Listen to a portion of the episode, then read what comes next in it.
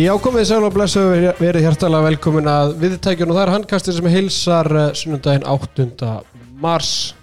Final Four helgin að baki og við óskum að sjálfsögðu íbjöf og fram til hamingju með byggamestratittilinn bæði Karla og Kvenna. Með mér er engin annar en uh, Stimmi Sníkers sá sem aldrei brotnar. Verður hjartalega velkomin Stimmi. Þakka fyrir. Og með mér er að sjálfsögðu líka eitt góður gestur langt síðan síðast Jóhann Gunnar Einarsson uh, einn af svona verkfræðingurum í sendabilginni Verkfræðingunum, já, og hagfræðingunum Þakka fyrir. Stákar, góður eftir, eftir helgina?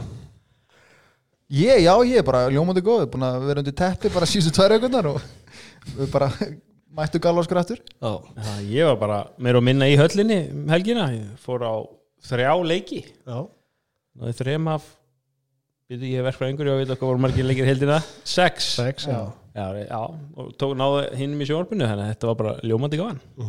Herru, við erum að sjálfsögja bóði BK Kjúklings, BK Græns og Svei ég kíkti einmitt á á BK um helgina fyrir hérna fyrir leikin á fimmtudaginn og þar hendi ég mér í, í Tex-Mex. Ég let, nú, ég let hérna vera að vera að fá mér auka grammit ég fekk mér bara hrískurinn eins og þetta er á matsalunum ég er ekkert að ég er ekki meina að sérþarfur eins og, og Pónsan sem liggur núna bara í, í sótkví. Já, hann er í sorgví á Old Trafford. Hann er á, í sorgví á Old Trafford á, á leik sem að skiptir voðalega litlu máli.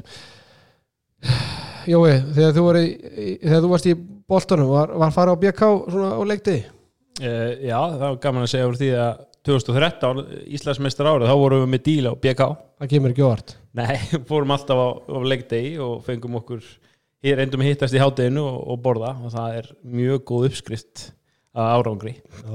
Ég sá hérna, ég fór í mitt ég ég fór síðustu helgi, þá var ég mitt helmingun á stjórnarleginu, Já, það er enda náði ekki alveg þetta spyrst út. Já, það er allir með að reyna að finna sömu formúluna. Já, en eh, ræðum ekki meira BK að sinni fyrir að vinda okkur í, í handbóltan og, og við ætlum að byrja að ræða stelpunnar þar sem að fram varð byggamestari eftir nokkuð þægilega helgi en ég ætla ekki að hafa fleiri orðin að sinni því að stimmi snikast þú ætla bara gjössalega að eiga umræðinum um kvennubóltan Það er svoleiðis.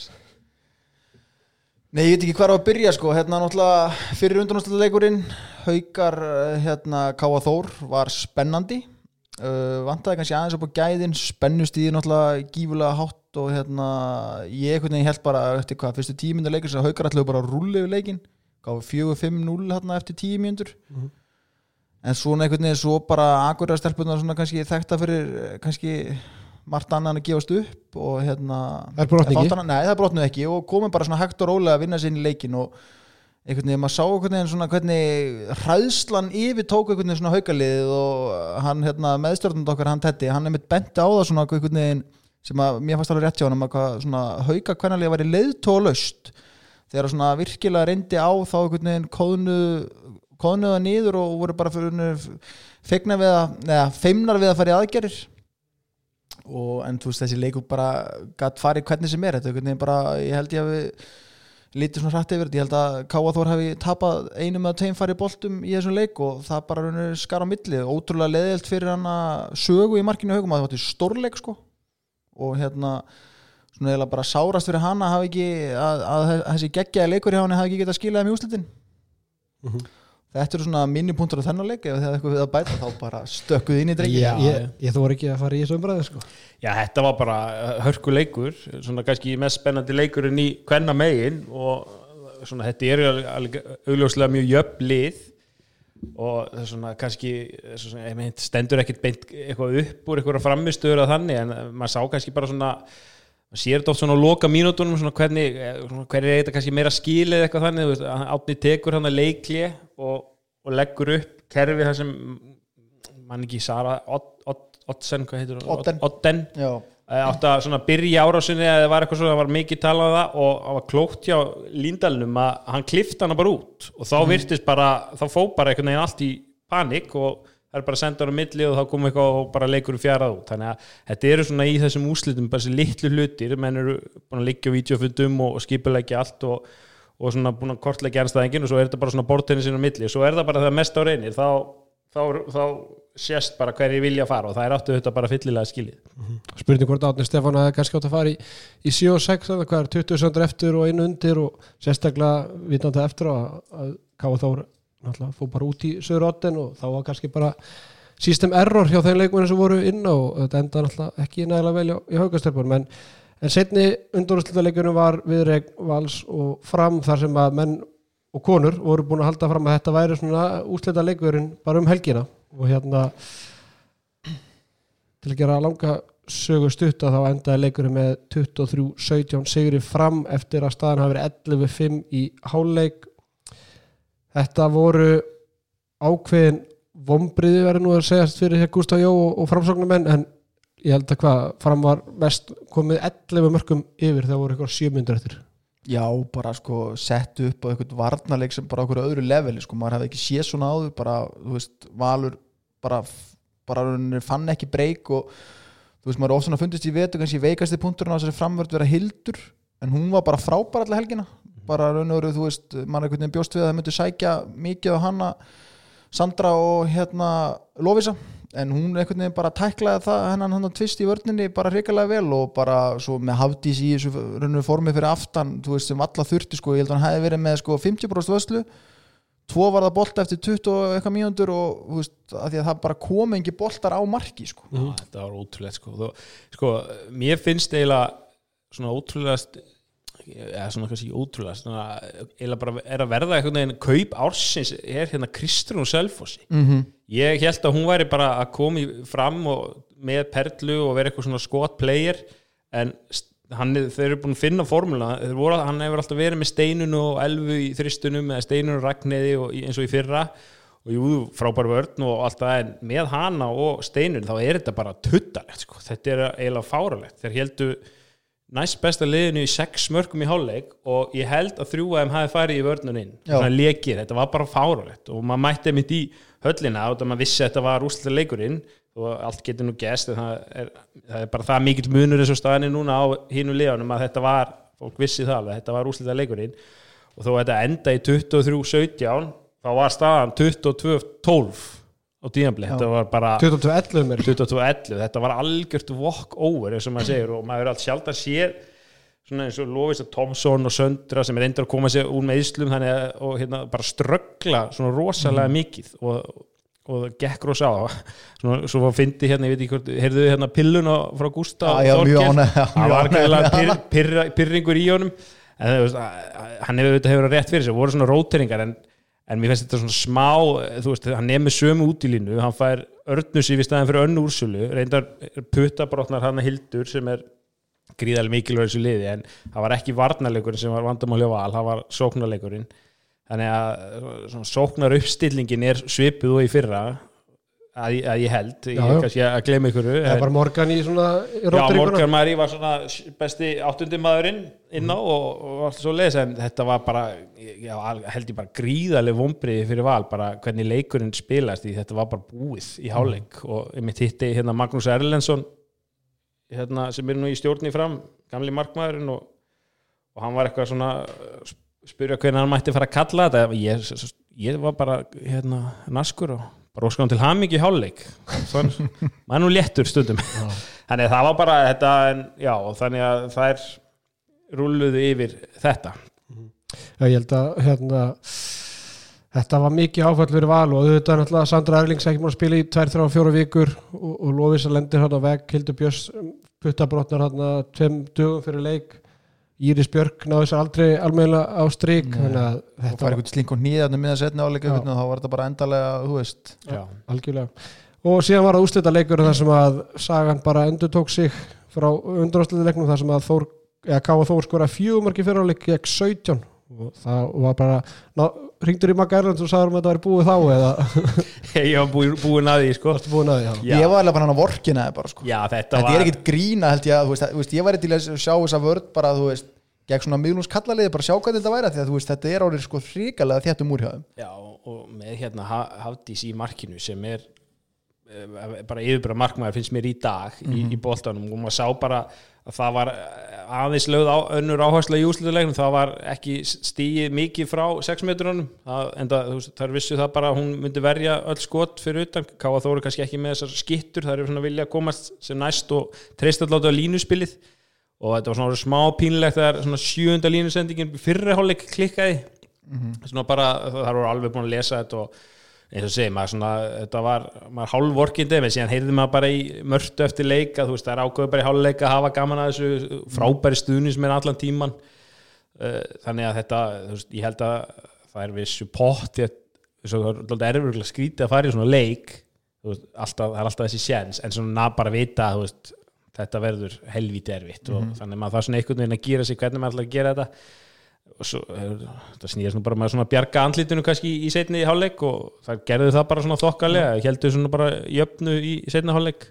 En það var svona að byrja rótir á ungar, þetta er mjög ungt og efnilegt lið þór ká og ég held bara að þú veist að fengi allir að spila og en svona maður sá fögnur maður kannski ekki, það voru ekki trilltar framarinn, þetta var svona held ég bara að þeir voru búin að vinna þetta í hálfleikann á hlýja val en þú veist, svo ætla það bara verður að hrósa líka held ég bara fram fyrir þetta lið, þetta er svona eitthvað mest að yfirbara lið kvennadeildinni bara sem held ég sem hefur verið lengi. Og þetta fóru mikið gaggrinni á, á, á hérna, skiptingunni og, og hérna hvað valur og framsýr búin að stinga af. En veist, þetta þekkist nú alveg við að Barcelona í, á Spáni er nú ekkert að hafa mikið fyrir sigrónum og svona, það er bara búið að halda vel utanum þetta og og þetta er náttúrulega bara sem, mark með allra stjórn og þjálfar er bara búið til stórveldi og, og, mm -hmm. og rúli yfir þessu og svo þannig að þetta er bara tillalösari fyrra þannig að þetta er bara virkilega gaman að sjá þetta sem hálf líka bara að sopna verðinu því að maður sér það bara á allsleginu núna sem var þrifaldur meistari í fyrra og, og núna er það bara komin eitthvað tömur skrifum eftir fram þannig að eins og framarðinu hugsið það bara Það er engin ástæði til að fara að slaka á eitthvað að fara að gefa ykkur um öðru leiðum eitthvað sens og narti að góða bita. Þú bara tekur enga sens og bara reynir að fá það þess besta sem þú getur fengið.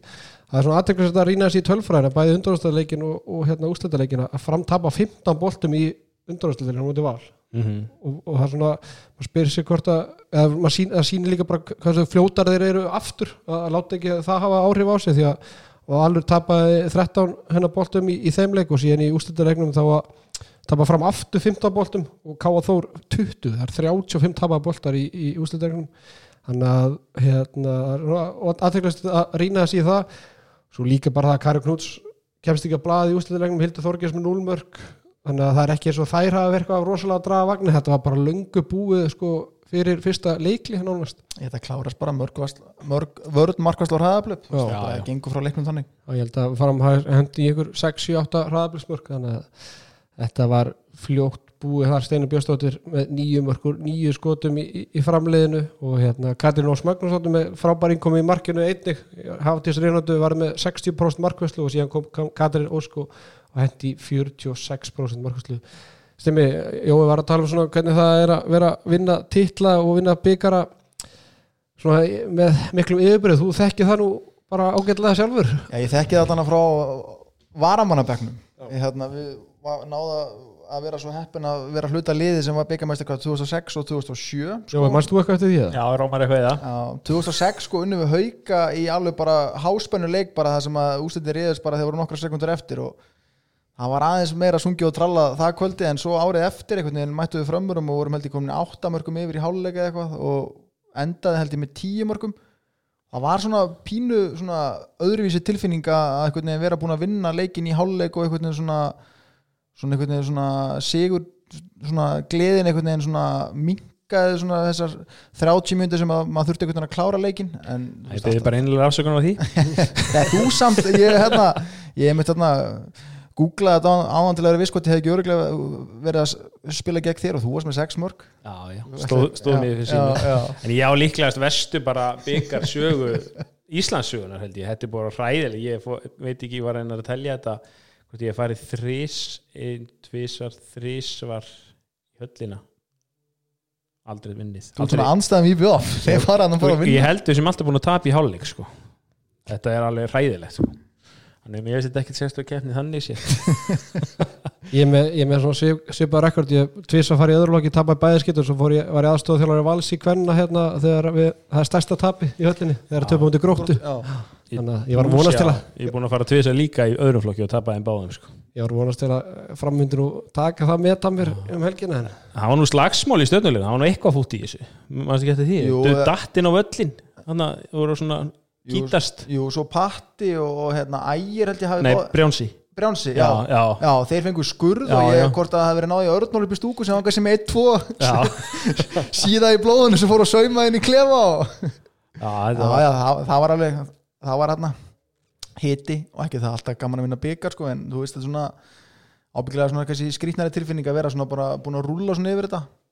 En menna þú veist að tala um þetta svona þýlíka yfirbara lið og vorum að líka svo við Barcelona framkvenna þú veist, maður er ekki gaman að sjá það að fara í einhverja Evrópukefni þó ég veit að það kosti peninga það og vilja frekka að fara í æfingakem Nei, hann Er það svoleiðis? Ég, nei, ég bara spyr sko, þú veist, það væri gaman að sjá þetta liða því að veist, þetta er náttúrulega bara hvað svona uppistann í landsliðinu okkar svona að Mhm. einhverju leiti það það, svona, það, er, ekki komna sko á þann aldur að það er, að fara að búa sig að það er hættu næsta ári. Þannig að þetta, þetta lið ætti að haldast nokkuð óbreytt á næsta tíma myndum maður halda. Mhm. og ég meina að Ragnar Júl verðist ekkert vera neitt að leiðin út og En. Hafdí stefnir út sáðan, hún, all- hún stefnir að það vera einn af toppmarkmunum í heiminum og menna, hún gaf 97 mótil þannig að hún, hún á nóg eftir og bara svona, svipað á Viktor Gísli kallamegin bara með geggja flottar svona markmannsreyfingar og hávaksin, mm Mhm. bara rosalega Já, stór það er svona kannski smá eins og með val, þá myndi maður tippa og lofis að sé að stefna og jafnvel Sandra, það eru svona aðeins yngri en eins og í fram Hildur Karen, það eru allar komin tilbaka þannig að það eru bara að fara að klára fyrirlinn og Steinun bara komin á fínan aldur, þannig að það er enginn held ég í fram um mitt kannski nema hafti sem er eitthvað að leita út og, og ég held að Ragnar var nú farin út ef hún mm. væri eitthvað að spá í því en maður veit aldrei þannig að þetta geti verið bara næstu við höfum bara búið okkur undir þetta næstu þrjú, fjögur árin að, að, að þetta verði áfara bara stórveldi í samininni Ég vil að mestar ágjör af því sko, bara fyrir veist, mér finnst fram bara komið sko langt á undan val, þetta verði ekki einu svona spennandi úsleikefni við millir þessari liða Nei, eina sem getur alltaf hjálpa val að bara verða komin aðeins meira svona, Fitt, eða þú veist, já, Fit, á já. meðslum, já, já. komur úr meðslum og svo kannski vonast til að einhver eitt verður leikmannum fram verði að koma koronaveruna þannig að réttir já, ústakefni já, það er náttúrulega alltaf möguleiki Já, það er spurning hvort að ég get ekki græja það bara einhvern veginn. Herðu, hérna vindum okkur í Final Four Karlamegin þar sem að IBF var byggamestari eftir sigur á stjórnunni 26-24 þá var bara aðeins út í hérna undanúrslutaleikina alltaf haukar á afturling töpuðu þar með minnsta mun. Haukar töpuðu gegn IBF 27-26 og afturling gegn stjórnunni 22-21 uh, fyrir mér, fyrir mína sækir alltaf voru haukar komið mér, bara virkilega óvart og hérna listi þetta bara nokkuð vel og eiginlega bara hérna bæði haukar og stjarnan tapa á móti IBF eiginlega bara á síðustu mínúndunum með töpum bolta og hraðaplöp í, í baki Mm. þannig að það er svona ég var hugsað í, í dag, þetta er bæði það tjörfi missir boltar og svo tandir hérna og þá eiginlega bara tapast leikindar en aðeins um haukarna komum er ekki bara mörgum óvart? En alltaf margir búin að vera gaggrina þá og þeirra spilamennsku í síðustu vikur og mánuði? Jó, þeir voru bara mjög flottir og eins og segið fá þarna alveg fínan undibúning til, fyrir leikin og, og er að bara spila en að leikurinn vel, mistu og svona tvisasnu frá sér en náðu alltaf að koma tilbaka sem er bara mikil batamerki frá fyrir leikjum. Uh, svona eitt sem ég svona, tók út úr þessu leik að rauðaspjaldið og orra.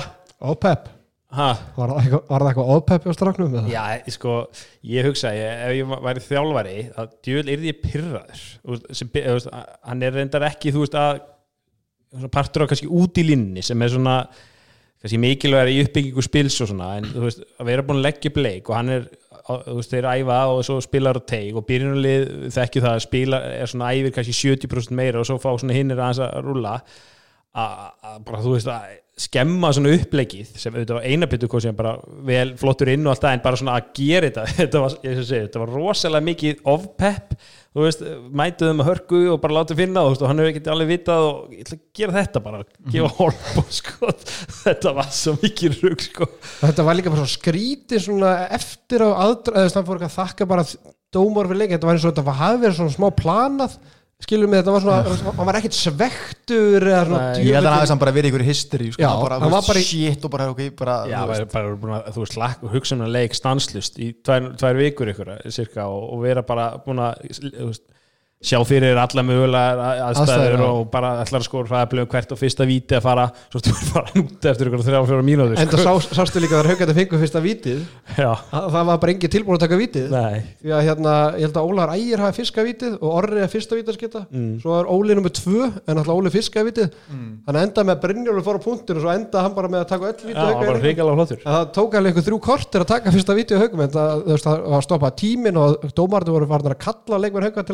þú veist, Já, svo var ég gríðalegu vombrið með mætíguna, fannst ykkur það ekki? Jú Þetta var eiginlega átakalegt Já. mér, sko. bara þetta lið sem að, þú veist, ég er búið að vera stórveldi í handbóltanum síðustu 10-15 árin bara, þú veist, það er búið að ganga illa núna í hvað, 2-3 mánu og það bara, þú veist, það var eins að vera ófært ásöldum, sko. Þú veist, Við sáum bara þú veist, frábær mætingu afturöldingu stjörnunni hérna sjálfsögðu og svo fram megin og mér varst bara fín mætingu val auðvitað Káa Þór var kannski smá basl en þú veist þegar maður sá bara þetta var pínlegt sko, þú veist þið náðu ekki svona fylla neðri stúkuna og svona dreift í efri. Þetta var eiginlega bara stuðningsskæðarnir hann þannig að það er svona eins og það hef ekki verið mikill áhigi fyrir liðina Ég held að sé bara voða lítil endun í á, á svona stuðnismanni á haugum það sér það bara líka alltaf, ég er uppælaðna og það er sko sama fólki ennþá í úlingaráðu og stjórn sem var þarna fyrir 15 árum.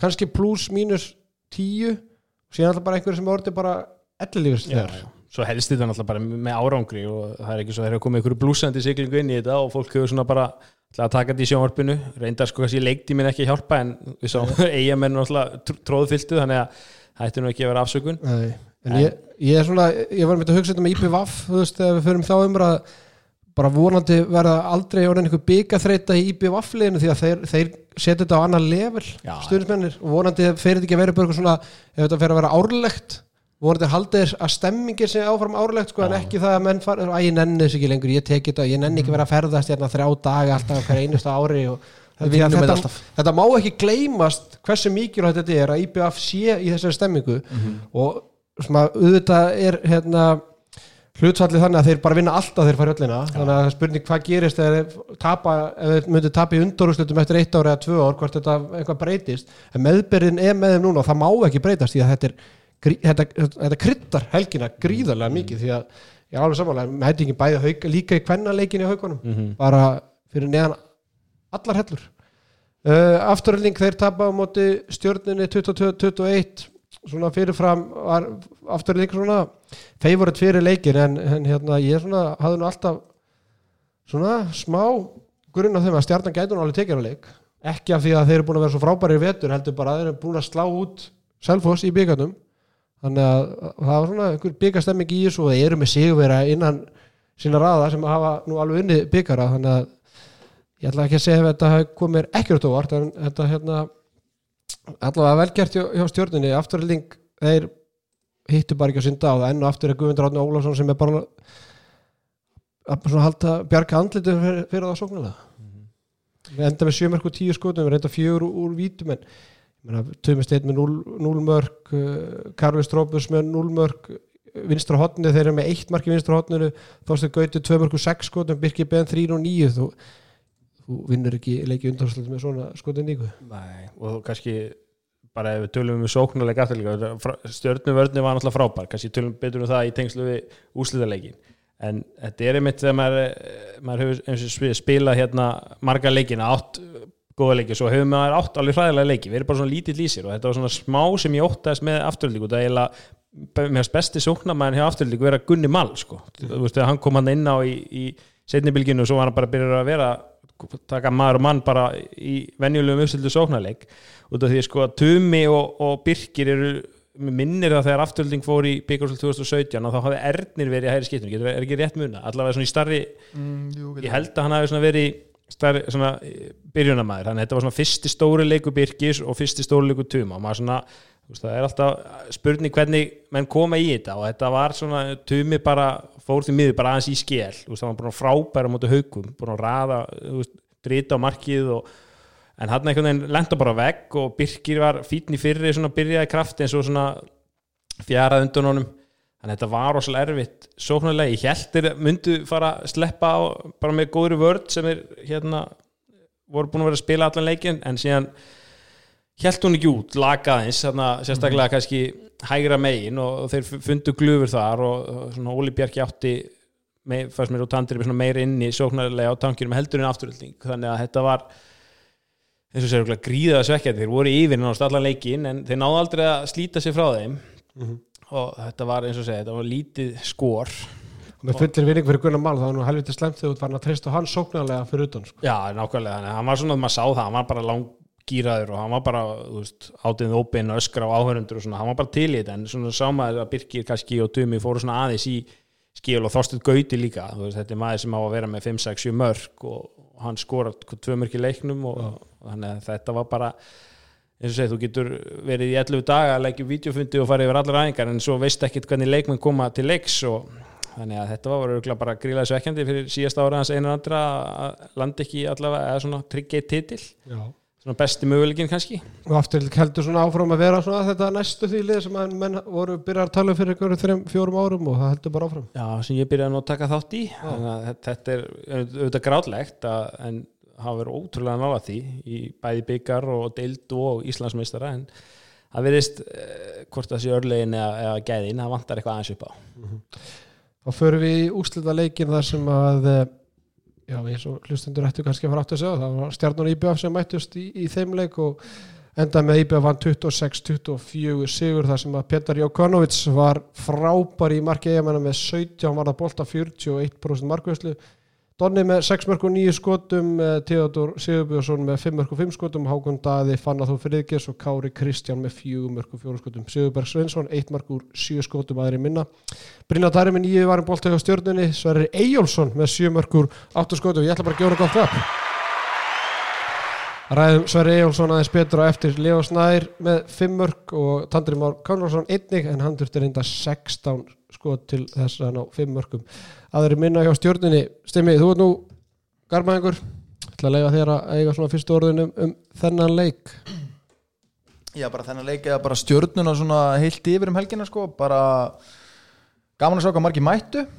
Það ég fekk marga pillu frá félögum hvað hva við höfum náðu að grafa þessu og hvað höfum borgaði mikið fyrir að mæta með trómur og hérna það er alveg, þú veist. Sakna þess að bongotrömmunar sem mættu með hérna, körbáltaleginu höllinni fyrra Já, ég, það er að kannski týnst í flutningum eða eitthvað. Er austur á milli áskars og GM allar hannar en bara, þú veist bara gaman að sjá að þeir geti þetta strákvæðin sko, mér finnst að spila geggjaða vörn allar helgina og kom kannski aðeins nýra á gæðum í sóknarleiknum. Og en ég einhvern veginn, þú veist, ef við komum aftur á þessum afturningarleika aðeins bara með stjórnuna þar sko, einhvern veginn, ég fannst einhvern veginn að þeir alltaf vera líklæri þó þeir væru einu, tveimur undir, einhvern veginn, það var einhvern veginn svona alltaf meira moment með þeim fögnuðu mörkunum einhvern veginn meira mm. og voru einhvern veginn bara svona yfir og róleri það var svona pínu óðagott alltaf þessum leikluðum hjá einan andra og einhvern veginn svona var svona meiri róastemning og svo kannski bara eins og Jói kom inn á veist, það er meiri reynslan að Tandri og Óli Björki og þeir það eru svona fleiri stóri leikir á bakinu á þeim uh, ég skal alveg viðkynna það ég var ekkert sérstaklega svona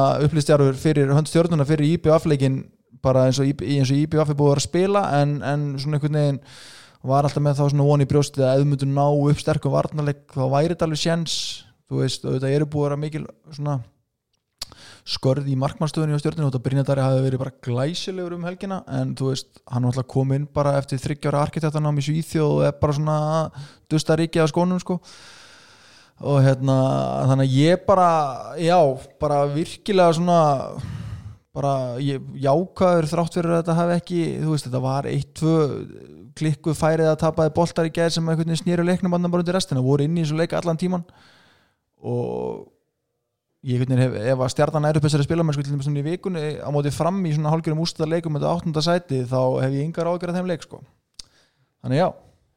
Já, það var bara, eins og höldum aðeins áfram með stjörnuna að að þeir voru líka bara að spila hérna svona margar útvæslar af vörð sem gengu upp. Í undarúslutin var Andri fyrir framann í svona fljótandi og vann unnvegilega svona tóku leikin á því.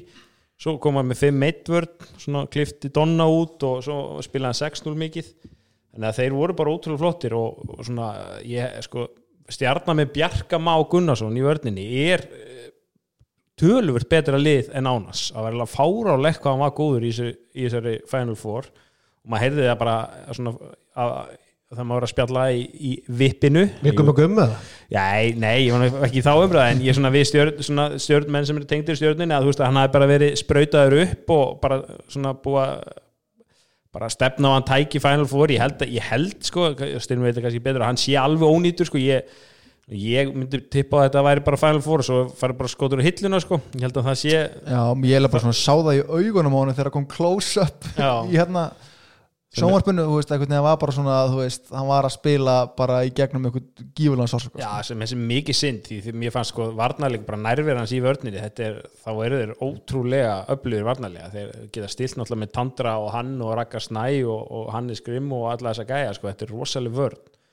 Þannig að bara frábærlega spilu helgi hjá þeim og eins og segið, þetta var í raun kannski bara einn tapaði bolti, svo hefði kannski verið framlíkingum að aldrei vita hvað gerst þá þannig að það var bara, þeir eru hró, mikið hróskilið og ég held svona eins og segið, þó var þeir að tapa byggar svona virkaði í við tölum svona allir bara nokkuð sátti með helgina og, og svona auðvitað alltaf slæmt að vinni ekki. Þetta, það var alveg lag að taka í BV þeir voru ekki að spila vel og, og dagur var eitthvað í hnjaski og fannar og eitthvað slæmur í hnénu og svona og þannig að þetta var alveg góðu sjens kannski ég veit ekki hvort þeir hefðu bara átt að segja á því í miðin leik hvað, hvað er áttu góðan sjens Árum fyrir að, að, að tala um IBF ég veit að eigamenn eru örugglega að býta í tungun á sér og hlusta á alla þessar stjórnumræðu við förum í IBF eftir, eftir smástund býður róli bara. Vörðin á stjórnuna kom mér einmitt mjög óvart að hann byrja með Monsa þarna í, í bakverðunum og, og að Monsi að stoppa Donna. Og hann gerði það nú alveg ágætlega. Hann alltaf missir hann auðvert í fyrirháleik sem ég sá að rúna hann og geta allt og sáttur. En ég meina, sko ég þjálfa nú Monsi í eitthvað þrjú ár í yngreflokkurum og að sjá hann allt í henni byggar og slutum þrejum fjórum ára setna í, í byrjunlegin í bakverði ég, sko, ég, ég aldrei hefði trúið sko. það er bara ekki sjens þannig að það útspil frá Rúna við og virkilega skemmtilegt og áhugavert. Uh, þráttur að alltaf sko vinstur hotnamenn er stjórninu bæði, bæði Andri og Úlfar er með 0-4 þannig að það var nú ekki að gefa mikið sóknarlega en ég, er svona, ég, ég trú ekki öðru en að Andri Þór Helgason hefði líka alveg getað leist þessa stöðu mm. ég vel á Monsi og sko. hann er ekki bara svona verðluna fyrir innkominum á afturöldi Ég held að hann fengið eitthvað höggan Andri Þór Ég held að hann ekki, alveg Já. hefði ekki alveg verið, alveg verið rauninu heill sko. ok uh, síðan líka skemmtilegt útspila það má ekki glemja því að Monsi er alltaf bara láni frá val Mhm. og síðan er alltaf stjarnan líka hann er skrimma láni frá stjörnina þannig að það er nú ekki mar margir svona verið að, lá, veist, vera að lána hérna, sem er búið að fá sko Tandra og Óla Bjarka heim úr, úr mennskunni, búin að fá Brynjatar aftur til þryggjara hérna, eftir að hann búin að hættur í þrjú ár. Fá síðan að lána sko, sko þriðja fjórða hotnamann og val.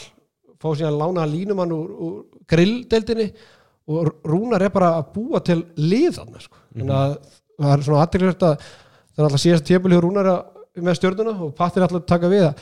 Ef hann hefði náði byggar með þessu liði búin að vera gjössalega búa til nýtt lið á þessu tímabili. Það hefði nú verið svona ágættis saga upp á, upp á framtíðina hjá, hjá Rúnara í, í jólabúðar eftir 10-15 og ára fara kannski langt í úslitakefni Já, ég er að segja það. Með þú veist, Laska Bjarka Má með Ragnarsson Njálsson sem var búin að hættur í 20 ára. Með Óla Bergar sem er ekki með crossband sko. Já, þannig að þetta er alltaf svona ágætis saga og með Sverri Eyjólfsson á línunum með sjömarkur áttaskotum sko, bara sem að Sverri hann er sko Já, ég veit ekki hversu oft hann hefur svona nánast verið hættur alltaf á sömurinn en svo kemur alltaf aftur Þetta er bara taktík, við erum búin að sjá þetta á Hlín Mortens í svona 15 ár hættur á sömurinn og kemur svo feskur inn. Já, Þannig að mér, svona, þetta er svona eh, ef stjarnan hefði unnið þetta það hefði verið margar sögulínur svo kallar með þetta lið en, en hérna eins og ég segi það var kannski svona þegar Tandri missi boltan hann í lokin þráttur að hann var búin að ná, ná hann inn tvö mörgum á mikilvæg mómenti það var svona það fór þetta og Tandri með 5 mörgum 16 skotum 10 sköpi færi, Óli Bjarki alltaf alveg á sko nánast á engri löp endar hann með 1 mark og 7 skotum þannig að það er líka svona sást að að þeirna skrokkur var bara ekki alveg tilbúin í tvo leiki á, á þreymundum það hefði verið rosalegt ef þetta hefði verið gamla sístum og stjarnan hefði haft setni leikir á höfstæðinum já, og fyrir svo ég menn hefði þeir mætti leiks á lögatinum Herðu að fara eða IBF ef ekki að by- byrja bara á, á PJ Sig- Fusion með 17 var að bolta 40% markvæsla þvílík framist að hjá þessum manni og Það- Já, við skulum ekki koma hitt í skila til uh, góðvinnur okkar sann Gunnar Spyrkjessonar að það er sannlega ástæðan fyrir að Pétur Jóhann er í IBF dreif upp í stúku er út af því að sannlega, PJ er í markinu. Já, PJ er í markinu. Ég held að skemmi ekki fyrir en ég held samt að þeir hafi verið með Pétur Jóhann alveg síðustu 2-3 Já, ár. reynda þú að segja það sko, ég var svona pínu en þetta er alltaf betur tenging núna Já, miklu betri. Þetta var hann eitthvað velta í skildi ég ekki af hverju Pétur Jóhann var já, já, já, væri klættur í treyð þegar það var eitthvað ræntunum úr haugup þegar hann var upp á sitt besta þar. Já, akkurat. Þessu pappaspjaldi Herðu, hérna uh, svona bæði náttúrulega leikur á móti haugum þar sem að mér varst Theodor Sigurbjörnsson og Hákon Daði vinna eða þann leik. Svona, bu- svona ef maður og þar já, maður einfalda hlutina. Mm. Mhm. hotnamennir haugum svona tóku sínfæri en, en eigamenni gátt alltaf treyst á það að Teddy og Hákon Daði fóru bara inn út af demátnum eða einhverjum þröngu færi og, og það hjálpar bara gríðalega mikið. Uh, hérna síðan komar í þennar leik Donni tekin úr umferð eða svona plúsaður aðeins uh, er bara sofandi fyrstu tíu korterið. Svo loksist þegar næra hann tvisar svona utavert á, á, Monsa þá svona vaknar til lífsins og hann alltaf skora gríðalega mikilvæg mörg. Ég svona að hugsa þetta að maður alveg verið í þessari stöðu sko, ef maður alveg svona tekið eftir liðun sem eiga að vera favorite og svo ekki. Mhm. Að IBF var svona eldandi allan fyrirháleikin nánast, en þeir svona mist aldrei hausinn, en maður fann samt aldrei að þeim leið ekkert svo rosalega vel, þú veist þeir að, þú veist, ég geti ímyndað okkur leikminn búin að sjá þetta alveg í hilling og geðveik stemming, öll eigin tilbúin að fagna upp í stúku hvert einasta mark. Það var svona ekki mómenti með þeim og þeir sáu það kannski, þeir, þeir sem voru sá ég horfði á ústöður ekki sjóarpin að, að Kári segir þarna í, í, í einhverju leiklegin strákar, þetta er að gerast núna, þú veist, nú er er og leið og stemmingi kemur þeir ná að minka muni, jafna, komast yfir þarna, þá var heldur bara ekkert aftur snúð Nei, það, já, eins og segi, það er örgulega verið alltaf óþægilegt að sjá, þú veist, dagur var greiðlega bara kaldur og var ekki, ekki, ekki, ekki, heilt í skóar svo sjá þeir hérna, það verður talað þjálfar í BF sjá sem Sigurbergur, hann er ekki heitur og menn þú veist, það er örgulega fara alveg um þá, sko, þetta var þetta er örgulega erfitt að koma í svona leik sem átt að vera átt sem sem að vinna en er en svo eins og ég örgulega komið á óvart líka hérna 5-1 pluss á Donna. Þeir voru alltaf lengi að breyðast við því og bara svona einmitt aftur klókt hjá Rúnari að hann var alltaf að horfa á haukaleikin þar sem Donni býri eða bara öll færin til fyrir Theodor og fyrir sjálfur sko. Hann er, hann er svona, klipp út hann bara hægri vangin ekki vel. Svona aðeins til að hæja á því en svo eins og segir, þessi hotnamenn eru drullugur og Teddy sem er eiginlega bara spila svona í fyrsta skipti bara núna í þessu Final Four, hann er ókesslega góður Þú veist, oft þurfa menn okkar að leiki að koma sér í gýr og rytma hann er með hvað nýju mörkarni í undarástöldunum og, og klára svo bara 100% nýtingu í gær? Já, klára svo bara leiki hann með tveim hraðablöfum þannig að bara það var svona, eins og segi, þeir voru ekki að spila neitt frábælega en, en þeir gerðu það sem þurfti og, og Pétur Jóhann var náttúrulega frábær í, í gær nei á lögadaginn, jú er það það gær Jú, það já, já. gær. það var ekki og hérna, ég heyrði hann í eigamönnum þeir voru alveg komnir á það sko var það í vippinu eða? það var í vippinu Varstu bara í vippinu á Já, helgina? Nei, bara í ústildarleiknum Já, sko. Ég klætti mér sér vel upp og svona sko. að Þeir voru sem sagt að vonast svona, eða, fullurstu að þetta væri bara sama sagan með Arorab sem var gat ekki þannig fyrir árum átt svo var, fóru í geggjaður Mhm. en svo var maður líka eitthvað að heyra að þeir, það gengur vist erfilega að semja við hann sko. Þeir vilja halda honum, halda honum náttúrulega en ha, ég, hvort að eigin sé ekki alveg fyrir hann sko, ég veit það ekki. Það er ykkur viðraður væntalega í gangi.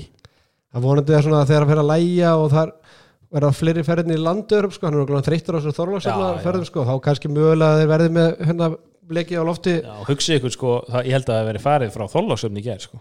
Nei, Jú, það var- eitthvað sagði, þrá, samt var svona mikið af fólki sko. hann sagði að ef það hefði verið landeiröfn hefði verið fleiri en Petur, það hlýtur að vera aðeins auðveldur að, fyrir að semja við hann núna þegar hann upplifir þessa stemmingu og ég meina fullir við einhverju Petar, hann er ekkert að fara í einhverju lið þar sem er að, einhver meiri en, í kringu þetta sko. er það samt? Svona ángríns, bara ég fór einu svona ári á mánundi eftir þjóðati í Þorlásum það var nóg fyrir mig, sko, það, það getur drefið alla stemningu að fara nokkra svoleiðisverði Segir mér bara um- talningum í gulri og appisinu gulri hann hefur kannski, bara, hann hefur kannski vit fyrir því bara fyrir næsta samling að hann fljúi í leiki einhver þóttu bara. Bara einhver þóttu Já, en hann sá hitt á leikin maður. Þú veist, búin að vera svona Já, ég meina, sko hann heldur þeim eiginlega inn í þessu út af því að stjarnan hefði hæglega getað komast í þrjú fjögur Mhm. og ef og hefðu og allt það. En svona talandi um að vera favorite og elda, ég hefði ekki, þetta var akkurat svona átti leikurinn að þróast fyrir þann aðla sem var alveg sama hvað myndi vinna. Mhm. ef, ef IBF hefði leitt í fyrirháleik með tveim, þremur eitthvað svona þá hefði þetta alveg getað endað svolítið illa. Mhm. því að stjarnan er bara með broti, broti lið og, og menni í hérski, eh, og hingað og þangað. En svona átti leikurinn að þróast og Pétur Jóhann, hann bjarga því bara að þetta hafi ekki farið á verri við því að ég, þú veist, það er ekki oft sem IBF lendur einhverju mótlæti sko, eða hafi náttúrulega ekki lent í mótlæti sko innan innanvallar í byggarúslitum ekki svo í munni, þetta hefur alltaf verið bara voðalega gaman, mm svona í minningunni jú, það er hann hendi mótlæti í úslitakeppnin í, í Íslandsmótinu. En þannig að og IBF er ekki á toppnum og þetta hefur ekki gengið allt og vel í deildinni hérna framan af síðustu leikju þar sem er á, á fúlið sving sko. þannig að þetta var svona hann en enda var hann bara á alveg maður helgarinn eða allavega leiksins, ég veit ekki hvort þetta sé helgarinn eða leiksins þannig að og það svona, ég alltaf tók ekki eftir að Dagur hafi meðist í eigalinu, en svo alltaf maður heyrðum maður í viðtórandi leik því að maður maður bara hvað er Dagur, menn Dagur búin að frábær í- fyrir IBF-lið í síðustu leikjum og svo kemur Sigurbergur inn, var alls ekki að hitta sinn leik, en samt held hann alltaf er, ekki er þetta bara að gleyma degi, þú veist, ekki er bara að gleyma síðustu 2-3 leikjum í ólistildinu, að en svo greinlega fekk hann eitthvað njask og það var líka bara eins gott að- að að Donni klára þetta svona í, í lokin og, Kári ískaldur á punktunum, hvað snýra hann tvisa þrísvar, já, já. þú veist, ein stemmingsvestla frá Brynjardar og einu þessu vítu hann já, já. það hefði, ef og hefði allt þetta sko, en, en Kári bara kláraði þetta með einhverjum tveim snúlum og já, svo heyrðum maður líka bara á lögutast mótnunum að, að, að fannar var ekki klár sko. Maður sá það, hva, bara hvað var með á löppinni? Það var össur bara, það var að, var bara búin að græja nýja löp á hann já, svo var einhverjum sokkabuxur yfir þessu og ég veit ekki hvað, hvað að en IBF og, og, og byggar þetta er þetta er ótrúlegt. Já, þetta er bara þetta er bara svo Koko Prins Þetta er nefnilega sko útrúleg saga veist, að það er ekkert svo langt síðan þeir, þeir voru bara í fyrstu deildin sko.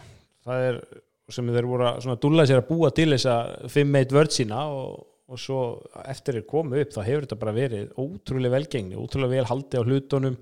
Menn hafa komið og þeir ná einhvern veginn alltaf að heilla menn að koma. Það er held ég aðeins auðveldara í bara stemningun og kultúrin og þar sko. Síðan aftur við mótum farið hitlanspilið káa sem bara fær valla leikmenn þannig að og þeir eru sem þeir eru ekkert vera að fela þeir eru að nóga pening og geta búið fínt. Þetta þarftu svona að geta á að geta spakka til að fólk svona flýti bara búferlum á annar stað. Þannig að eins og segja nú líklegast ja, pottit fyrir Donni, ég veit ekki hvort að einhverju aðri sé að fara, maður allavega ekkert hirta. Þannig að þeir væntalega eru bara í öllum hægri skiptum landsins og utanlands. Geir Guðmunds lítur að vera Geir orðað Guðmunds hefur verið já, orðaðir en það, það þarf svona eins og ágeir badn eða, er það Nei. ekki? A- hann er barn hann er Já, þetta er svona aðeins auðveldur einmitt fyrir eins og Donna, svona unga gæja að fara þangað.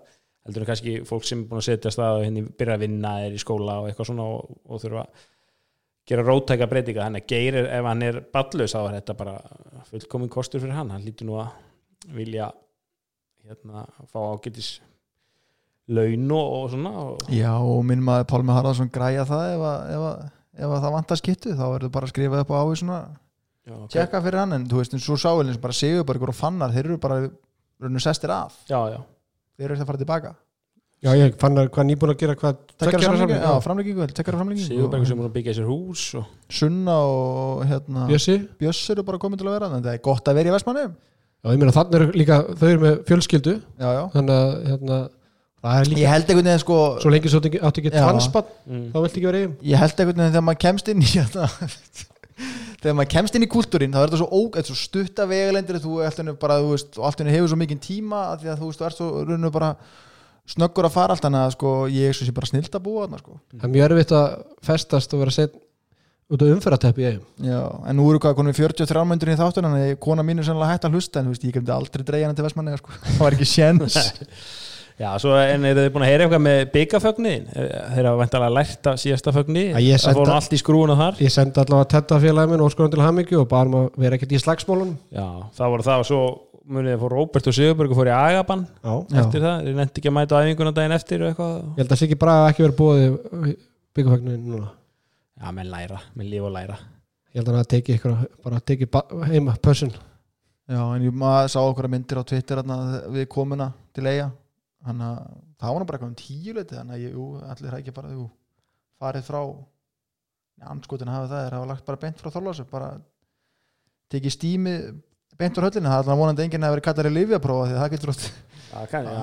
að, það, það getur dreigist Herðu hérna en, en, en Jói, þú varst að tala um hérna bara uppbygginguna og, og bara eigaliðin alltaf var í fyrstu heldur fyrir ykkur sko átta árum eða nær því, árum en, en alltaf líkillir enn alltaf að, að þó að það er að vera að fá Sigurberg, fá Aron, Robba, Agga þá er alltaf kjarnin þetta eru uppaldi leikmenn. Og ég meina þú sjáu það núna er elliði stígin og bara detti landslisklassa þá kemur bara næsti bróður og það er Arnó Viðarsson. Já, frábær.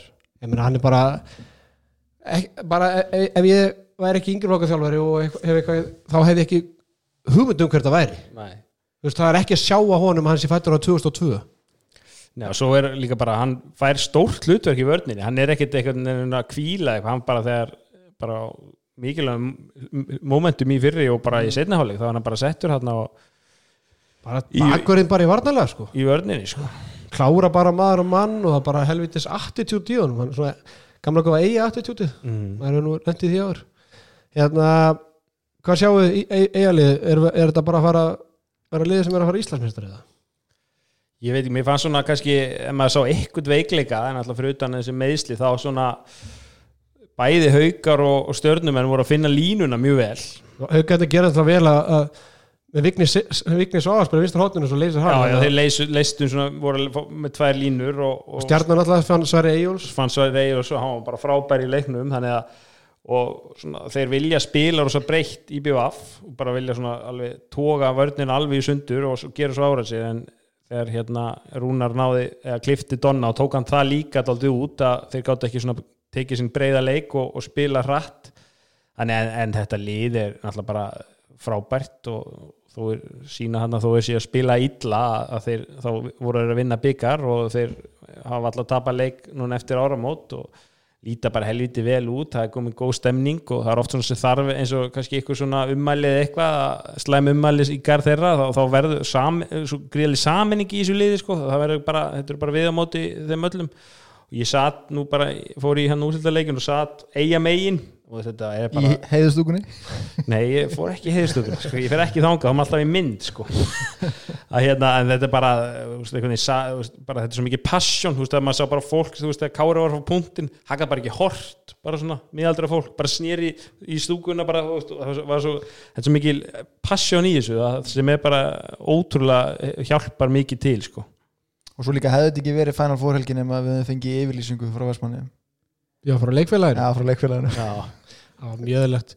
Hérna en það er samt varst að tala um einhverja veikleika en alltaf sko Maggi Stef er, er í hópaðan um helgina hann kemur alltaf ekki inn og það er spurning er það veikleiki eða skilur við er hann að fara að detta eitthvað meira inn í þetta? Þannig að það myndi styrkja mikið ef hann nær því en, en það er einhver ástæði fyrir hann er þarna sem 14. maður.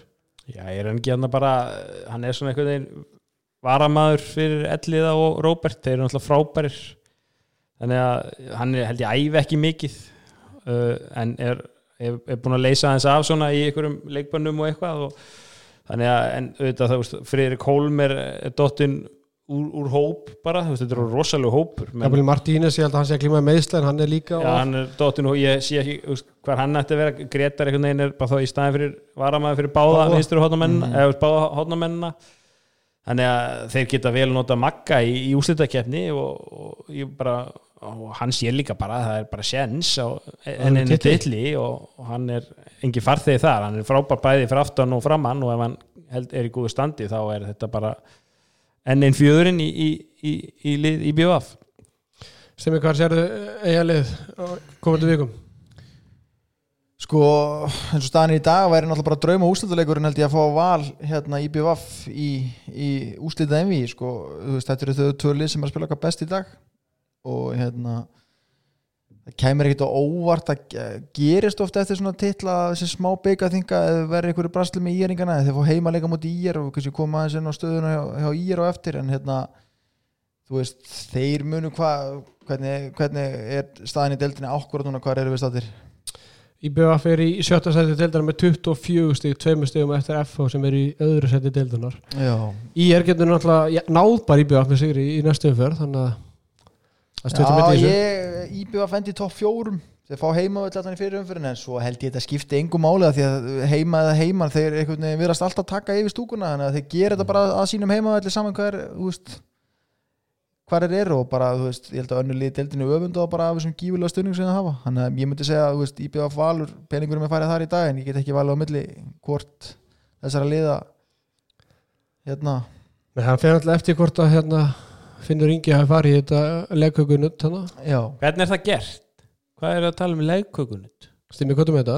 ég er að vitni eitthvað bara hvað var ekki var, Ég var að hugsa þetta mikið sko já þetta var eitthvað sko í kringum að HM 2002 Já, þá bara Suður nuttað Kóreu. einhvern veginn lífbeinið og mægin og eitthvað Nei sko, held ég heyr held ég sko þú hefur nú eignar spann eins og ég Arnald að þekkir þetta ekki þarna fylgjan kemur eftir og í henni eru svo gífulega mikið af einhverju næringar Já, og- nuddaði Já, með já, henni? Já, þú nuddaði, þetta er svona legköku Já, já þú veist, þú ert nuddaði með henni og það er einhverju fer eitthvað, eitthvað á steinefnum og dóti úr því inn í Já, ok, húðina ok, og Ég eitthvað var að lesa þetta Þetta er eitthvað sko, ég var, ég veist, var og er mikill David Beckham maður, ég mani að þetta, við vorum í kappi í tíman hann árið 2002 og þá, þá skellt hann sér til Serbíu, ég held reyndar að hún hefði notað þetta úr einhverjum dýrum, Já, já, ok.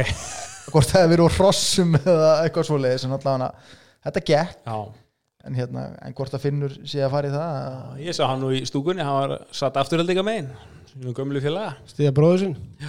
Hérna, áður en förum í, í næstu umferð í Ólastil Kalla þá langum maður að ræða í lokin dómgæsluna. Það er, það er ekki handbóltaleikar án dóm, dómara. Uh, Tvent ólíkt báður eiginleikinir Íbjöða Faukar og svo Íbjöða Stjarnan. Og líkt hvað mennur Ólíkt því að Svavar og, og, Siggi fara fjóru sinum í varið. Já, meðan, meðan Anton og Jónas fóru aldrei í varið og hefðu alveg geta farið tvissar, þrissar í varið en þeir bara eru prinsinn menn já og voru bara sjálfum að já, tri, þú veist, og, og það var Svavar og Siggi dæmd alveg ágætlega já, en Já, mér finnst, þér- mér finnst þú vera að sína smá veikleikamerki með því að fara í varið aftur og aftur og aftur og aftur því að Svavar á að vera einna betur dómarum landsins. Og er það, þannig séð, þú já, já, er bara- já, já og Sigurður, hérna, þótt að hann sé kannski nýr í þessu en hann fer langt á því að vera í flottu formi og, og kann leikir og svona. En maður hugsa er, er þeir að sína það að þeir eru bara að missa okkur 5-6 atriðum í leik sem er ekki var? Já, það er spurning. Eða sko bara hvort að sko eins og þessi Final Four var eins og svart og hvitt við síðasta Final Four það sem eiginlega öll umröðan var um dómara og var það sem hérna kannski þeir gerðu afdreifileg mistök í valur fjölni, það munar nú allir eftir því að íbjöf haukar, þetta er eiginlega kannski myndi ég halda svona erfiðasti leikin, leikinnir að dæma eins og stað, þetta er orðin komin einhver rígur hérna á milli og held, ég held bara líka eftir kannski fyrsta atriðan þegar orðið fyrir bara olbúana þeir hafi bara einhvern veginn svona bara ok, við þurfum að vera með allt Já, svona það sá allir í höllinu til dæmis það en samt fóru þeir í varið já, það er eitthvað svona er skrítið lína, þú veist, hvort þú eigir að treysta en fyrst þú ert með varið, áttu þá að doppelchecka þetta er svona, ég veit ekki, þetta er kannski flækir hlutina fyrir þeim, fyrst þeir eru með það og eh, gerum þetta, höfum þetta þó rétt og eitthvað svo leiðis, en þetta er alveg rétt. Þeir, maður fann svona alveg, tvö, tvö voru nokkuð augljós atriði svona hefðum eins og þegar var rífið hann í kára og bara tvær mínútur og bara málið dögt mm veist, hvort þeir voru alltaf að leita eftir rauðarspjöldun ég veit það ekki, af hverju maður fari í var. Það en maður sá það líka eins og í úslutengunum Anton var aldrei að fara í varið hann svona forðaðist það bara eins og hittar eldin að fara í varið. Hann bara, þeir töluðu bara saman, bara róli hérna, bara burtu með okkur og ræðum bara málið. Og þú veist, bara, hann er svona, hann er svona eins og elgamli skólin Já, hann, ég held að þessi, hann gerir líka vel á Anton Jónar, þeir býða þeins þeir svona sjá, þú veist eitthvað fær högg í andlitið og þeir labba til hans og ræða við hann og sjá er hann þú veist, meittur, er hann að brjálaður að byggja um eitthvað, er hann bara svona rólegur og eitthvað svona ah, þá bara svona áfram og bara svona láta leikin veginn fljóta sko. Og svo líka bara greinir þetta Anton og Jónas hafa lært, eða, lært heimavinnur sína því að þeir mættu vel undirbúinir í úrslitaleikin og letu eigamennina ekki ná tökum á sér mm þú veist, fann að frikis að var að vera brjálaður Já, já. hann fekk ekkert, svo loksins fekk hann eitthvað í lokin hann á tvær mínútur já, já. sem var kannski ekkert eitthvað mestu tvær nei. en það var bara svona, svolítið svona uppsapna og jú, hann átti kannski skili að fá eitthvað fyrir sinns nú þar en hann var að vera brjálar og, og þar hefði hann geta kannski haft áhrif á Svavar og Sigga með að hvernig undrúðsleðingu þróaðist. Að Anton hefði alveg geta ég meina, hann er slegin einu sinni í andlitið þegar 5-1 og 2 og fær ekki neitt. Og Anton fór ekki í varið þar og hefði farið í varið þar hefði stjarnar alltaf mikið tvær. Þannig að það er svona að þeir mættu til, svona meðan þeir mæta tilbúin til leiks og svona vitandi það hvað vildu forðast? Já, svona, he, en svona heilt yfir fannst mér bara frábælega Já, dæmt, sko. bara út og já, það er, bara- er ég- ekkert atvik um, þú veist, þú veist, það er ekkert eitthvað sem maður getur talað um Það er eina var sem eitthvað. kannski var er svona, Svavar, nei, var, svavar sem að, að var hann að loka sekundan í afturölding stjarnan þegar hvort að Arnór hefði átt að fá raukt Já, eða já, víti Já, eða hvernig það var en hann var lína lendur held ég sko. Já, ég sé sko, ég, alveg ég er harður í goalkeepers nation sko en, en, en þú veist ef hann hefði ekki verið lendur Já, þá já. hefði það bara raukt og víti og og, bara sko eins og staðan þú veist, staðan hjálpaði þeim, þetta var ekkert eitthvað krúsal það voru tvæði sekundur eftir Já, og, það er- og ég held bara að þeir hafi ekkert vilja verið í ykkur sviðsljósi og gera eitthvað mál nei, úr nei, þessu. nei. það er einmitt, hérna, ég vann aðeins heimavinnum minna hvað það varðar.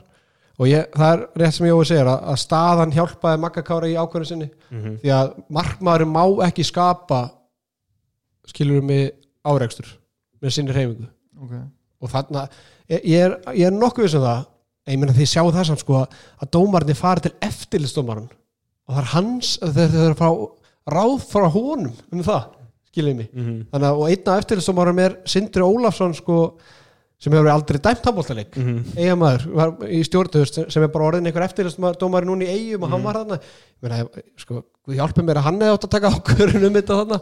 En hérna veist, það var staðan hjálpaði mikið og ég hefði ekki viljað vita hvað hefði gerst ef staðan hefði verið jöfn þarna til dæmis. Já, þá Eða stjarnan einu- rís Já, eða sko. stjarnan einu undir. Mhm. en svona þeir fóru bara svona millivegin að þeir eru einu yfir tvær sekundur eftir treystu því bara aftur en líka nægir ekki að skora. Já, því að það var lendur, ég veit það Já, en sko, þetta Monsi, þú veist, hvað var Monsi að gera? Ég meina hann sé bara fótinn Arnór á leiðinni þarna og það er Arnór sem skapar þetta, Já, ég, þú veist, að- er ekkert að, þú veist, er alls ekki að verja þetta sko. Þú en ég held þetta að var- Maggi Kári hafi farið mjög sáttur að sofa að staðan hafi verið já, svona en ekki Já, neina svo, öðruvísi, veist, sko. það var samt á, líka öðruleiti bara frábæla dæmdur leikar, þetta er bara menn, þú veist, heimur og maggi sem bara þekkja leikin þú veist, hliftu þessu aldrei upp í neitt rugg og bara, þú veist, og bara, já, þú veist og talandi um annað emi og þessu leiki, ég var nú bara til að sjá Ragnar Njáls og Gunnar Malkvist mætast eitthvað einn og einn bara í ykkur, sko. Bara í, Bara bara í er, í já. búrinu. Já, bara, bara hvað sem er, sko. Já, það verður gaman. á að þokkalega bífið þarna á milli þeirra. Herru strákar, ég mér fannst þannig aðteklisvert að, að sjá hérna eigafögnuðin eftir leik inn í, inn í klefa þar sem að þeir fögnuðu við lagi hérna Tornero. We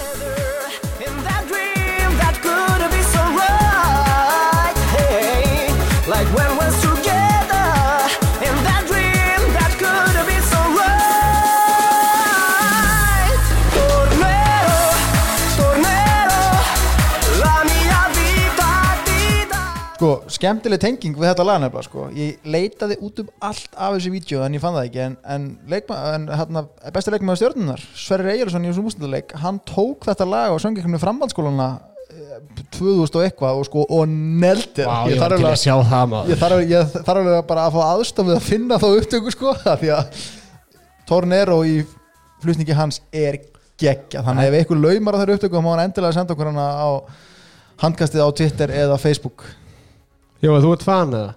ég er bara svona Eurovision fan, já, smá það er náttúrulega, maður sá Melody Festival í gær og, Heru, það var skandallar maður nú, ég var Team Bulletproof sko hana. já Með. En Ég eitt sem- eitt sem ég verið að spáði með það að hérna það, þeir sko vinna þetta þannig að það er dómnefnd frá Íslandi sem gefur stig Mhm. uh, ef þú væri dómnefnd í Íslandi myndur ekki alltaf velja liðlustu lögin þú veist, þú ert að fara að keppa við þessi Ég var myndið að hugsa það sko en, en domnefndin er samt, þú veist er ykkur fagaðalar sko? já, myndum ekki alltaf velja Ef liðlustu þetta- lögin til að auka líkundur á sigurinn Ef Ísland hefur verið með símakostningu sko, já þá hugsa ég hef alltaf valið þetta er liðast ekta svona rassauðsa hátur frá Íslanding það velja lélægsta lægi en reynsli var ríkala gott í þessu. Það var bara keitt að ganga 12 lög og við vorum samt fljótari heldur en með þetta fljótar með með heima. fimm lög sko. Stemmingin í salinu líka var geðveik og skilum það var staðið upp og klappa ykkur einustu lagi. Heru, ég var komin svo mikið fíling í gergvöldin alltaf hérna, kærastan er í sótkví þannig að maður er bú- búin að hanga með henni alla helvins ykkurna já, gott að vita það núna. Ég, er, ég er ekki er ekki þeirrið aðli en hérna en síðan það maður var komin í mikla stemmingu þannig að við fórum að horfa á danska líka. Mm. Já. þannig að það var tómi salur.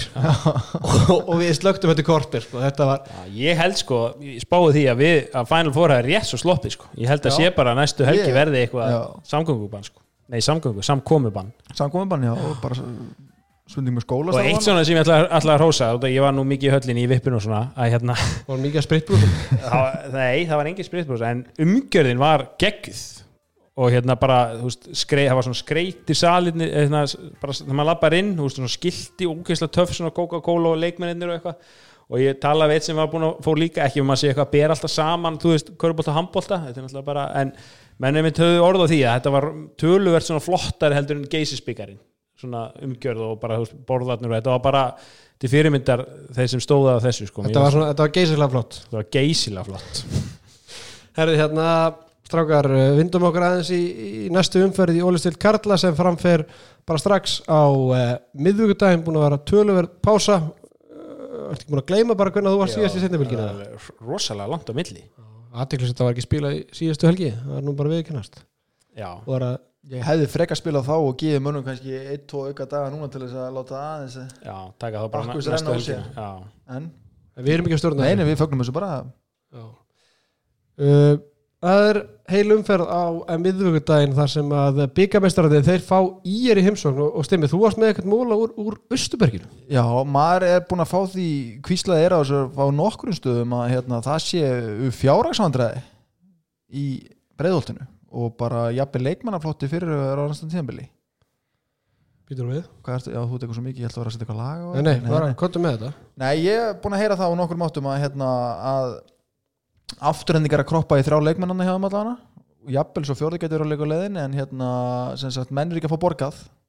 Og Ég trúi því nú ekki að Halli BK sé ekki að borga mönn Nei, mér fannst það skrítið líka að því að þú veist, alltaf nóg að gera á BK en hérna, sem sagt Kristján, Sveitnandri og Bergvin eru allir orðaðir við afturhendingu og brottfyrir frá félaginu. Og hérna, svo er spurning líka með þránd hvort að hann muni fara aftur heim í, í Mósesbæinn og þá, ég, ég ætla bara að gefa mig það að Stulli sé svona kannski að taka síðasta tíðanbili sitt.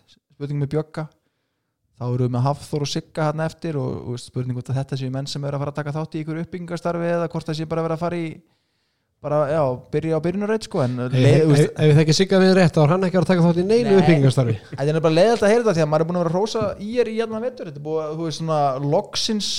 finnst manni svona þetta vera að fara að bera eitthvað svona ávöxt, Já, veist, þetta hark síðustu ára þetta er svona bara sláandi Já. sko. Jó, nú ert þú bæði verkfræðingur og hagfræðingur ég meina, var ekki hægt að gefa sér þetta þegar þeir sæna leikmann með svona mikið sæðlabundi eins og seðilina Já, þetta geti gerst menn hafa oft verið að gera grína þessu að hann sé að tæma sjóðina en þetta greinlega bara heldur betur sannleikurinn Já.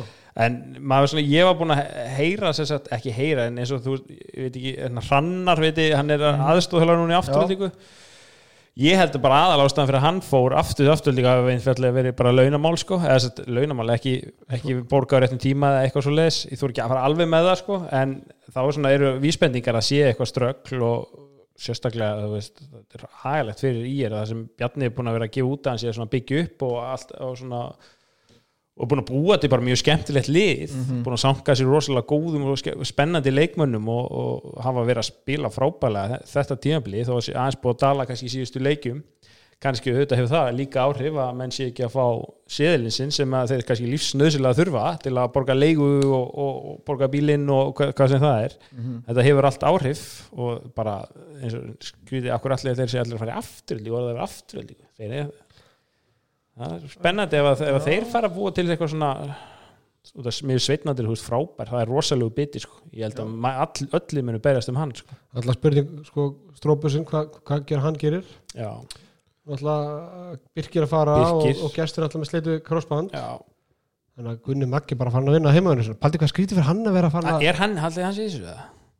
það lítur að vera svo er Já, spurning hann og hvort að við einar sem að- andri þó- tala saman uh, ha, það er auðvitað skrítið sko. svo er spurning hvort að við sem á skúpus og núna farið fleiri lið og, og hérna takja upp tólið og við sem eitthvað að setja hvernig, er, Strikið veit ég hvernig reglun eru? Hvernig má, fyrsta janúar. Já það er bara leið, já, það var fyrsti mars. Athygli- að ég ykkur góða sögum með það. Sem, hérna, það var alltaf fyrsti mars. Sem var, þetta- var þessi breyta árstönginu fyrra. Síðan fóru svona uh, hákallar í, í, í, svona sem er að þjálfa bæði kalla og kvenna að fara svona velta fyrir sig hvernig það mættu að fara að tala við samlýslusa leikmenn og það stóð alltaf að HSI fyrsti mars. Og það var hringt í Robert Frankundistur HSI og hérna, það var þessi ekki breytt á síðasta árstingi eitthvað? Og Robby breytti til og ég bara mann það ekki. Ég það bara var að skoða það. Svo bara kortir eftir því símtæli og, breytir svo heima síðan fyrsti janúar. Það er nefnilega þekkist ekkit svona eins og þjálfvarðin alltaf svona tilgittir þú veist, en nei, það hefur e- ekki svona ekki, ekki, hvað hefur verið eitthvað svona Nei. leikmenn hafa svona gefið út? Ég, ég spila með haugum á næsta ári. En er þetta að spila með öðru já, lið nei, ég mynd það er alltaf Og beðið eftir og, já, ég, ætla- klárast og ég ætla bara að vona að það haldi þannig áfram að því þú líka eitthvað þegar verið að selja eitthvað þú veist, þegar eins og þegar Aron samti við Barcelona alltaf að vera átjámáni í Vesper með þetta er eitthvað svo Já. steikt sko svo, þetta er svo, svo kannski mætur þeim tvö orði röð í Final Four en erst samt að fara til þeirra og það- eitthvað svona. Þetta er skemmtilega að hafa þetta bara svona óvænt og Já. hafa sumarið bara já líka HSI hófið og eitthvað svona Já. já. það er að gerast nú dílanir En IBF IR, það er 1.8 á IBF og 2.40 á IR á gúlbettinu að ég tek IBF hann þó Engi byggaþinga Já, bara ég ætla að láta þessi, þessi peningamál hjá í er vega upp á móti byggaþingunni Ætlaði að sigli sjálfur eða? það er spurning. Halli Já, er, ég sé enga ástæðu jú, kannski nema einhvern njask og, byggaþingu en Íbjörg lítur að leggja mikið í sölunar að ná heimal, heimaleikin fyrst mér, myndi ég halda bara að spara ferðarkostnað og allt svoleiðis að vera alltaf með allavega þá ottaleikin heima en þannig að maður, maður segir bara IBF það er einhvern veginn svona betri ára yfir eins og síðast þeir eru byggameistarar en það er náttúrulega þekkt að liðið fara oft í bölvarugl, marg búið að sanna það að menn svona er aðeins lengi að ná sér Þeir, þær hafa einhvern veginn engan tími það núna þannig að þetta er 1.8, það er fýtt stuðl IR, en það má ekki glemma það IR vann þá náttúrulega í, í november, lók november með 5 mörgum í Östuberginu og það er einhvern tímann moment fyrir að fara til eigi og vinna sigur það var það núna Já, þeir þurfa að fara að ná það sigurum. stigum og, og koma sér á gýri þeir hafa síðan aftur líka og hauka í loka umförunum þannig að það er ekki mörg svona sem maður sér að íringarnir að fara að landa í loka umförunum þannig að ég er ekki jafn viss á því strákar. Nei, líka vitandi það að Fanna Frigis var uh, í Njaski og dagur ég veit ekki ennþá hvað gerðist fyrir dag en ég meina þeir tveir ykkur laskaðir, hvernig kemur Beggi tilbaka eftir tvo leiki á, á þrejum dögum? Þannig að Teddy, ég meina Teddy er ekki, það er ekki langt síðan að byrja að reyfa sig aftur. Nei, nei. þannig að þetta verður aðteglisvert uh, F á Káa, 1.20 á F á og 7 á Káa það er bara FH ég eins og segja spáði því að Káa fengi ekki stig eftir áramóta og ég ætla bara að halda mig við það Jú, hvað, hvað segir með þennan leik? Þetta Já, eins þessi pásauruglega var, var óhefnileg fyrir FH þeir voru komin á svaka góðum rytma og, og, og, og rönn sko. En eins og segi Káa hefur bara í raun ekki geta neitt eftir áramót því miður. Og það er svona þeir hafa í raun enga keppa. Þeir eru bara eru þarna og, og verða þar og þannig þetta og FH er bara að berjast þeir möguleika á deildamista til þannig að þetta, þetta verður örugur sigur FH voru sérlega sárir eftir fyrirumferðina það sem að Káa vann fjara marka sigur 31-27 en Káa er í tíundasæti deildana með 11 stíg og er svona sigla líknan sjó. Ég held að þetta skýrist núnum eða skýrist núnum þessar umferð hvort að háka fallið ekki. Framstjarnan 2.45 á fram og, og 1.8 á stjórnuna Jói, þína menn Já, þetta er uh, síðasti séns til að gera eitthvað en svona hvernig liðin eru búin að spila og eru mönnu þá vil ég miklu frekar frá stjörnuna í úslutakjarnina og þeir geta hæglega gert góða hluti en ég held að frammirið þá bara erum svona bara nokkurn veginn sópað út ef þeir myndu náð þangað en þarna kemur aftur bara hvernig hnýð Óla Bjarka Bjarki verður vantilega ekki með meira og hérna Bjarki Gunn Bjarki Gunn eða ekki Gunnars Jú, Bjarki Jú.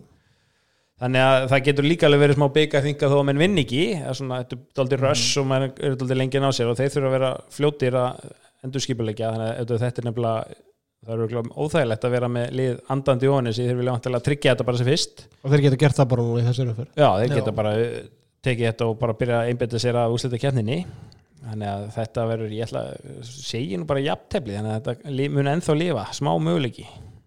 Stimmi, hvað segir þú? ég held að stjarnan takk í þetta Já, eitthvað smá meðbör með þeim eftir helgina. Já ég held að ég bara ef við náðum bara svipið varnarleiku og við náðum helgina þá, þá, þá held ég að ég takk í þetta. Og þar með munu stjarnan tryggja sér sæti í áttalega úrslitunum sem verða gríðarlega spennandi. Ekki spurningu það, herðu síðan í síðustu leikinu það Valur Háká 1-13 og Val, ég held að þurfum ekki að ræða það. Eða hvað, ég meina Háká hafa nú komið skemmtilega orð, Elias Már Halldórsson, hann hendi í 21 markum helgina með tveimur leikjum með HKU í annar deildar mútið herði, það er spurning hvort að Elias Már verði þarna í leikmannhópi Háká á miðvöldaginn Ég vona að gera hún ekki sjálfur sér það að fara að spila í og sá hann hvernig fóð með Basta þegar hann reyndi þetta. Það fekk mikið skít þannig að þetta er ykkur örugasti heimasigur talandi Bara- um Basta þá var ég búin að heyra það hann var búin að láta Rúna vita að hann var í klár hann þegar stjarnan var í mestu markarsvandræði já, já, já. Hann var klár Já, Basti, hann er, hann er laus næsta vetur, þjálfara bara, bara svona Já. tekur fram hann ekki bara? Frá Bastu og Jó, Jói? Jói, ég, Jói. Nei, Nei, Jói G. leikari. Hverju Jói Guð, Guðmunds eða eitthvað? Já, já, Það það, sé af á eða? Að ég sé að fara að þjálfa? Já. Nei, ég er ekki Þið, þið rættu þannig í setnibilginu núna fyrir ekki svo stuttu að það hefur nú alltaf gítlaða fyrir þjálfun. Já, ég, er, upp, nú er uppeldist liði, Jói, vant að þjálfara já, ég er ekki maðurinn í það ég kann ekkert að þjálfa sko. aðstofþjálfar er basta ef ég færi í þjálfun þá myndi ég alltaf fara í eitthvað svona mjög gott lið sko. Þú verður flottur liðstjóri held ég aðstofa Bara svona- já, peppari eins og já. Daði Hafþós var hérna hjá fram hann var helviti, var ekkert á öllum æfingum og svona og bara góð, bara hafa leta móral og svona það er svona ágætt er ekki hver er allir sér laun aðstofþjálfari í dag? 200? Það fer alltaf eftir Nei, 150 Er Það. Er alltaf eftir hvort þú sé, það er oft skilur ertu að hafa með uliði líka þriðja flokkin og ertu Nei, að nei, öllum bara peppari. Bara Það kann ekki að þjálfa. Hann, þá nærði ekki upp í bíl og bensín sko. Nei, djöfis Æja, nema þekki réttu mennina. Herðu svo í lokin afturling fjölnir. Fjölnir er alltaf fallið úr deildin 1.24 á afturlingu, ég meina er þetta ekki bara gefur águstinu það? Það er samt að þú oft vilja vera þannig þegar einhvern veginn lið eru þegar skellurinn er endanlega komin þá einhvern veginn svona verið pressast fara að þeim en ég samt sé ekki fjölni ná ykkur hann á móti afturhendingu nei, aftur lík særðir sko. Þannig að, og þeir eru náttúrulega að berjast líka fyrir heimaleik og bara allt í gangi. Þeir eru að rífa sig upp strax. Þannig að þetta verður örugu sigur afturlendingar Birgir Steinn Jónsson, það er búið að kalla hann aftur í, í Garðabæn þannig að hann er búin að spila sín síðasta leik fyrir fjölni. Akkur því? Er hann bara í á móti fram? Ég held það. Já. Heyrðu þetta ekki vippinu um helgina? Nei, þú voru ekkert að tala um Birgistein Ég, ég fyrir eftir það að, að stjórnu fólk var hann var kallað tilbaka, hann alltaf fjölni fallið þannig að auðvitað vill Rúna bara hafa sinn mannskap í úsleirikeppninu og allt það og hérna, en hann var víst kallaður inn sko, til að vera í hóp um helgina. Svo var alltaf var hann ekki í hópi, ég sá ekki sem sitta fyrir alltaf ekki ólögluðu? Nei, nei, hann var lögluðu hann var lögulegur þannig að ég held ég sé ekki að fara við rangmála hérna Birgistir, nei ég veit það ekki maður, hann veit ekki neitt. Nei, ég sá hann allavega ekki sko. En ég held, ég, ég heyrði þetta allavega að það var búið að kalla hann tilbaka sem ég veist bara alltaf ég held að Valur hafa gert þetta fyrir ykkur 2-3 ára þegar Bjarni Óföðu var í lánu gróttu og gróttu Mhm. átti hvorki möguleika að falla niður fyrir úrslutakefni og fyrst að fjölur er fallið þá ég bara trú ekki öðru en að stjarnan hafa gert það. Hérna já bara við langar að klára að mjölka þetta Jói. Hver er að fara að taka við fram? Ég spurði eitt stjórnumann um helgina þegar hann spurði mig veist um eitthvað en ég held að það sé eitthvað töðis basl Já, að reyna að fá þjálfara. Ég datt í hug Einar Jóns að hann vist að fara í Noreg. Þannig að ég, er þeir ekki bara að tala við Gulla og Kára Garðars og alla þessa gæja? Og svo bara hver segir fyrstur já, er þetta ekki svona selfoss í fyrra? Þeir bara, mm. allir sem kunna þjálfa tala við þá að hafa þjálfað. Þannig að ég hef ekkert heyrt neitt sko eitthvað svona. Spurning með Rúna Sittryggs og Sigtris er náttúrulega komin í, inn í umræðuna. Svo náttúrulega alltaf verið að tala um hver er mun þjálfa Þór, er það sami og er að þjálfa núna? Hver er aftur að þjálfa Þór núna, hvað heitir aftur? Haldur Tryggvason. Halldór Tryggvason. Hérna, Valsarnir, þeir eru með hérna ungarska markmann og reynsli já, já, Danni að fara út eða? Þannig er alltaf að fara út og reyðan alltaf er bara á, á annari löppinni mm. þeir náttúrulega eru með einabaldun kemur alltaf tilbaka. Þeir eru með frá Pick Saget Ok. Fættan árið 1999 ég held að sé hvort hann sé ekki eh, svona einn að þremur svona alltaf í júlingarlandsliðunum 98-99 ungarska landsliðinu þannig að ég held að hann hafi verið að æfa með núna í vikunni. Þannig að valsarðir er allavega farinir að huga að markmannstöðinu fyrir næsta tíðanbill ég held að svona reynur munu örgulega reyna að halda hreðar en með skilst það svona að það er hefur þetta hægt í orðum pundið. Segur samt gríðarlega segur búin að vera bara tölvart betur en ég, ég bjóst við ég hef nú viljað halda honum í, í gróttunni. En ég hafði ekki tök á því hann var farin á það ég gæti rætt við hann. Hverjir fara upp úr grillinu? Þór og Þór og síðan Grótta. gróta vikingur eða þróttur. Fara öll liðin bara í umspil sem eru sem eru, sem eru skráti leiks? Já. Ok, þægilegt. Það er virkilega þægilegt. Það er eina ástæð fyrir tóku, tóku þessu. Herðu, hérna er eitthvað svona að loka strákar sem vilji bæta við áður um við slútum þessu? Jú, hvað er nú veit brandara? Nei, ég, jú, ja, ég er bara meitt sem ég held að sé allir hafi heyrt. Hérna En byrju, það vantar öll leik að Selfoss og Haukar eða ekki kallum minn? Hann er ekki inn á það er ómikið valjú í, í þeim leik held ég. Já, ok, en við ætlum ekkert að sjá ekkert að spá já spáum ég er ég búin að taka snjóboltan tvisar Núna síðustu tvær vikur komast á dag hvað? Ekki, engan, þetta er fyrst skipti En við, við erum að fara áfram á morgun. Við setjum Aston Villa á, á móti Lester nei, við setjum ekki, ekki við ætlum áfram. Ekki. Nei, þetta er, X2 fyndi hvernig þetta er það var eins, og- já, ég, mynd, ég hef aldrei tekið þátt í þessu. Þegar maður, leiðum maður situr um fyrsta veðmál þá er maður fann að sjá bara fyrir sig hver laugadagur verður, sko, maður er alveg langt, maður heldur bara maður sé bara örugur þetta er svo, virka svo létt og þægilegt. Ég hef tvis á hefur það verið svekkjandi? Er það síðasti, það að vinna sunnudaginn líka? Þú voru að, þú voru að vinna, vinna hérna sunnundaginn líka og þá var ég búin að ákveða betti sem ég ætla að taka á sunnudaginum það hefði gengið sko, lögadaginn fór alveg Ó. bara lóðmænt í skrúuna sko, þannig að En Haukar Selfoss fyrirgeði já, það er rosalegu leikur sko. það er rosalegu leikur. Það er eiginlega ómögulegt að spara Selfoss Haukar meira svo sko. Annar fimmtudaginn. Selfoss haukar, já. Það verður það ekki bara Selfoss og það verður ennþá allt vittlust í á þessu öllum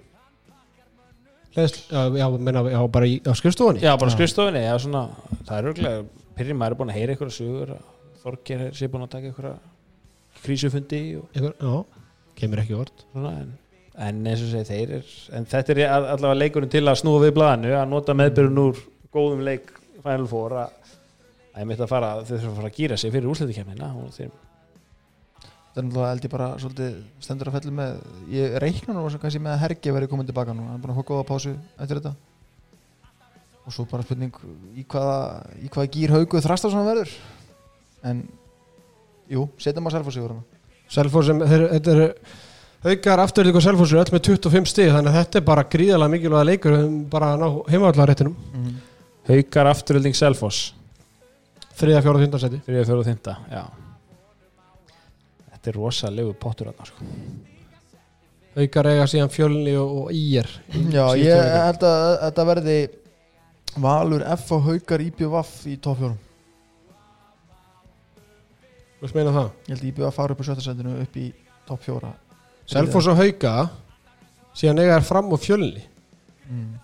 þannig að þú er, ert að Já, gefa þér það að já. Selfoss tapir á á Já, ok, ég veit ekkert hvernig þessi leikur fer Ég held að. Selfoss sé bara í mjög góðum möguleika ég, ég get bara sagt þér eitt ef ég og Jórum báður inn í svona snjóbolt á fimmtudaginn þá förum við ekki þennan leik. Nei, það er alveg 100% þá finnum við eitthvað annað. Evrópudeldin eða eitthvað, það er eitthvað sem við getum fundið. Herðu strákar, við eh, höfum ekki lengra að sinni Stimmi Snikker sem aldrei brotnar og, og Jóhann Gunnar Einarsson hjartalega Þakkir fyrir komin að hinga í handkastið í Svæp stúdióið og, og við verðum hérna sennilega bara 5. daginn eftir leik Selfoss og Hauka endum þetta á Ingo Viðugvöð og læginu Bíkar og því eigamadur Það ná ekki byndi heldur með það lífum